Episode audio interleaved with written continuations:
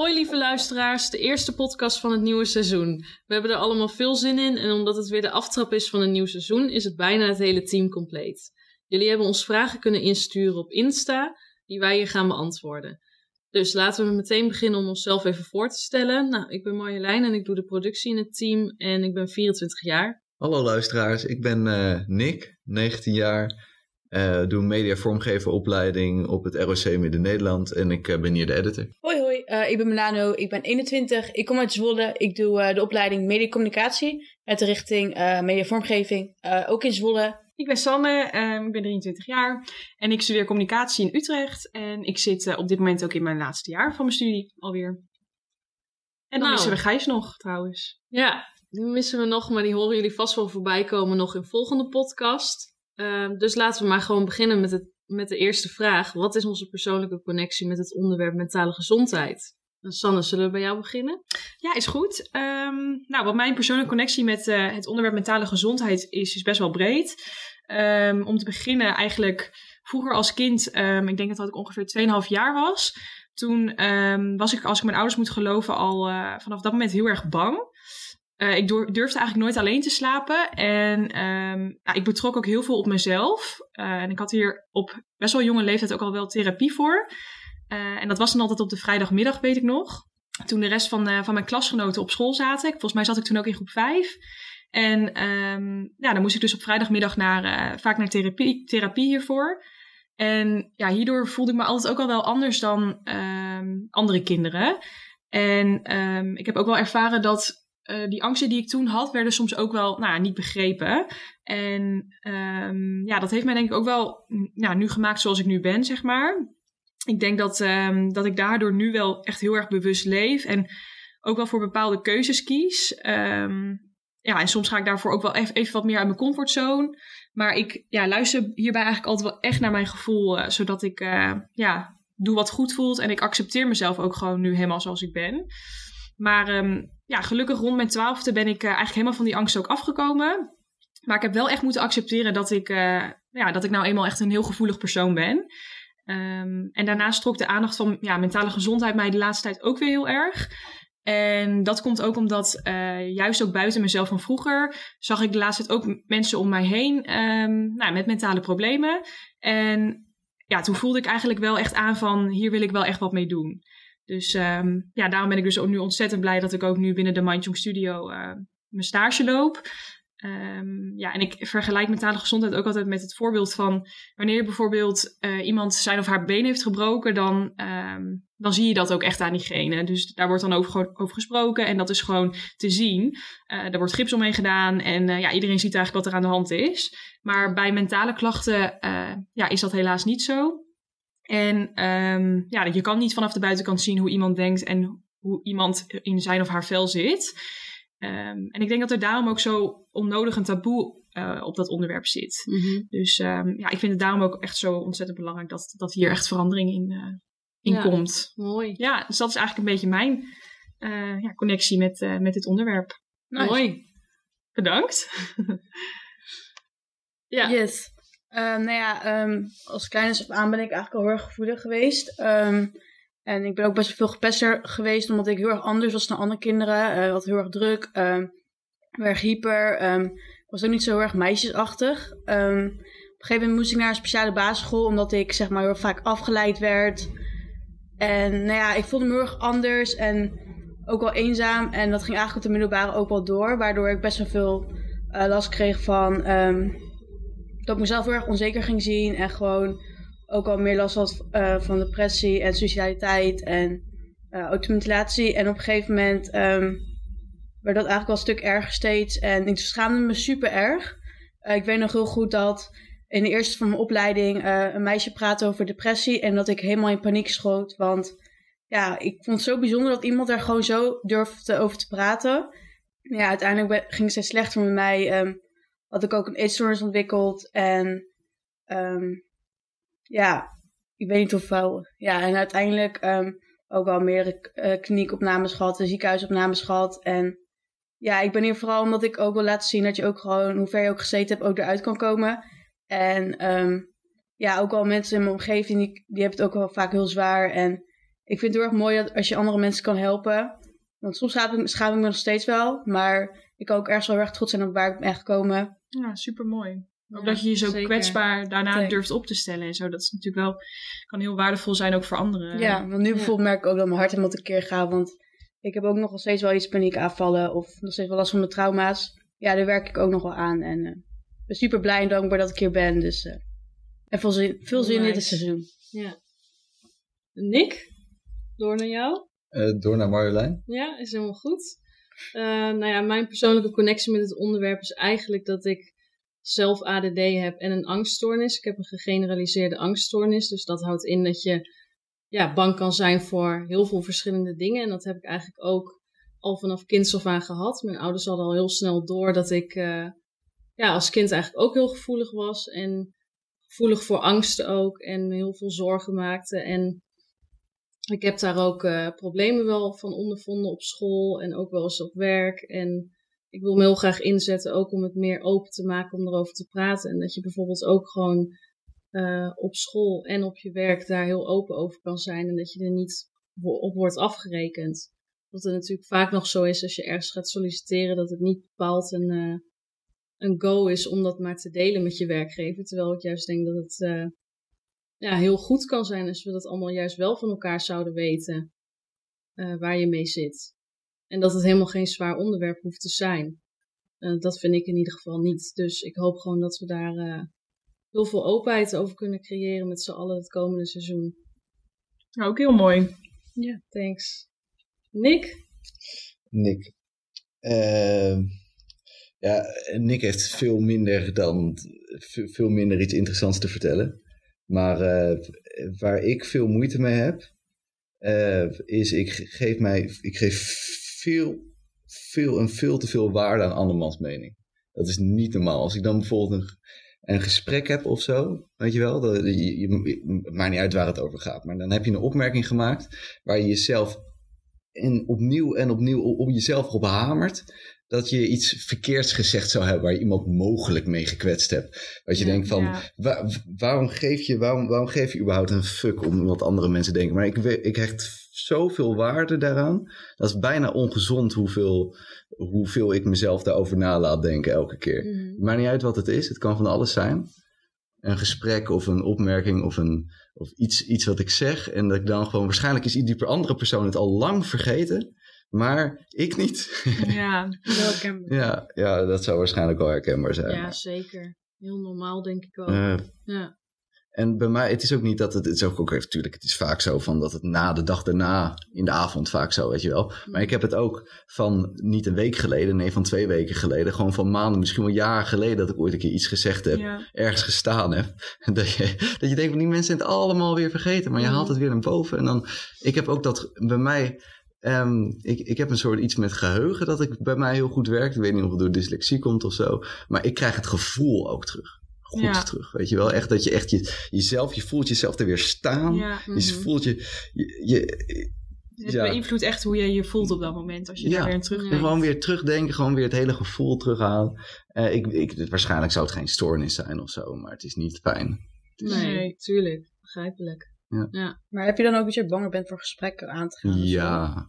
Ja, wel omdat ik dan bang ben dat ik dan weer wat zeg. Ja, Ja. dus het beïnvloedt wel. Ja, dat beïnvloedt zeker wat. Maar ik probeer dat ja. de laatste tijd wat meer tegen te gaan. Dus ik heb er nu, probeer ik wat meer ge- gewoon scheid te hebben aan wat anderen denken. Maar dat heeft wel, kost Ja, dat tijd denk ik. Ja. natuurlijk. Ja. Ja, ja, logisch. nou, ook mooi dat je dat deelt. Ja, zeker.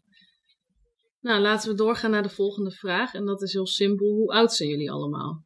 Nou, ik ben 24. Of hebben we dat net al gezegd? Ja, Ja, volgens mij wel. kort. Maar we kunnen het wel even nog even kort Ja. noemen. Ja. Ik ben 19. Ja, ik ben 21, ik ben echt een oud. Eh, ja, ik ben eh, 23. Eh, de volgende vraag is: wat hopen jullie te leren? Mel. Ehm, nou, ik hoop vooral ook een beetje in een stukje plannen. Alleen, ja, ik ben een beetje allergisch voor, want ik kan dus absoluut niet plannen. Maar gewoon meer in dat eh, professionele werkveld zitten.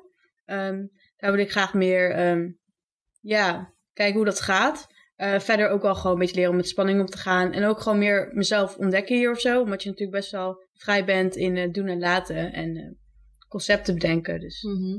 weet je dat, meer echt mezelf ontwikkelen, maar ook vaardigheden. Ja, leuk.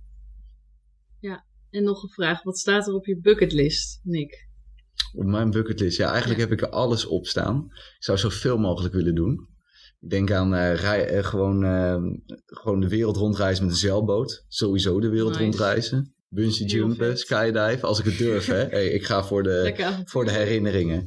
Ehm, ja, dat wel een beetje. Ik denk dat ik gewoon heel veel wil doen. Dat je echt herinneringen maakt. Dat je, dat je niet gewoon dat je dan in je kist ligt en denkt, wat heb ik nou eigenlijk gedaan? Maar weet wat wel? staat er echt bovenaan? Dus wat wil je echt? Reizen. En dan dat er alles bij, weet je wel. Dat Ja. is een soort combinatieroute. Welk land dan?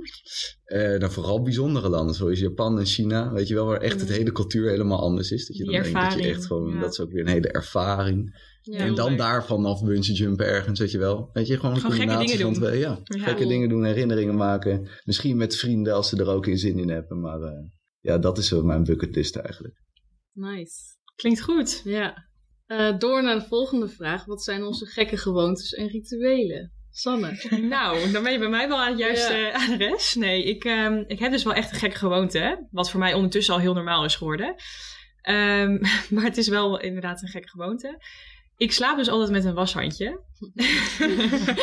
en eh, ja, dat komt eigenlijk omdat ik vroeger een eh, knuffeltje had. Tijdens mijn geboorte heb ik die van mijn tante gekregen. En ehm, ja, eigenlijk vanaf het moment dat ik dus geboren was, ehm, is hij bij mij in bed gelegd. En ik sliep daar eigenlijk altijd mee ja, daardoor ben ik zo gewend geraakt aan het slapen met iets in mijn handen, dat ik gewoon echt niet meer zonder kan. Dus nou ja, het was dus een knuffeltje. En toen ik in de puberteit kwam, toen voelde het eh, eigenlijk niet goed om, eh, om met een klein konijntje in, eh, in bed te slapen. dus ehm, ja, toen vond ik het wel een slim idee om ervoor te kiezen om een washandje te gebruiken. Omdat het ook nou, zacht was, voelde wel aan als een knuffel. Maar heb je helemaal geen knuffels meer? Nou ja, ik heb hem dus nog wel. Dus ja, misschien ehm, tot op de dag van vandaag slaap, Ja. ik, slaap ik met een washand. Maar soms twijfel ik nog wel eens of ik niet gewoon weer mijn oude, oude knuffel erbij moet Ja. pakken. Ik slaap nog steeds met knuffels in bed. Ja? Ja, Ja, het is toch jullie Ja. Nee, ik vind Nee? het gewoon jammer dat ik geen geboorteknuffel heb gekregen.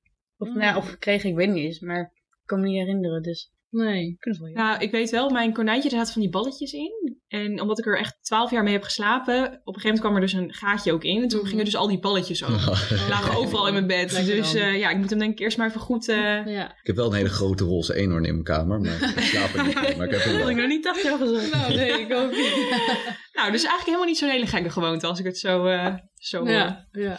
leuk. Eh, waar kan je nu om lachen waar je het eerst voor schaamde, Mel? Oeh. Ehm, nou, ik denk meer vooral gewoon de dingen die dan in de kliniek zijn gebeurd of zo. Dat ik vroeger wel schaamde dat ik daarin gezeten heb. En Mhm. nu zijn er dan gewoon bepaalde ja, grappige momenten ehm, waar ik nu echt heel erg om kan lachen. Maar ook wel, ehm, ja, ik ben nogal chaotisch. En ehm nou had ik daar zo'n map en die was dan echt... Mensen die dit kijken, die nou ja, mij kennen, die gaan waarschijnlijk nu helemaal stuk. Maar ik had dan zo'n map en dan moest je alles opschrijven en dus helemaal vol en... helemaal chaotisch en zo. En nou ja, vroeger schaamde ik me wel voor. Nu kan ik er wel om lachen hoe dikke bende ik soms wel bepaalde dingen kan Mhm. maken. Ja, ja. wat denk ik?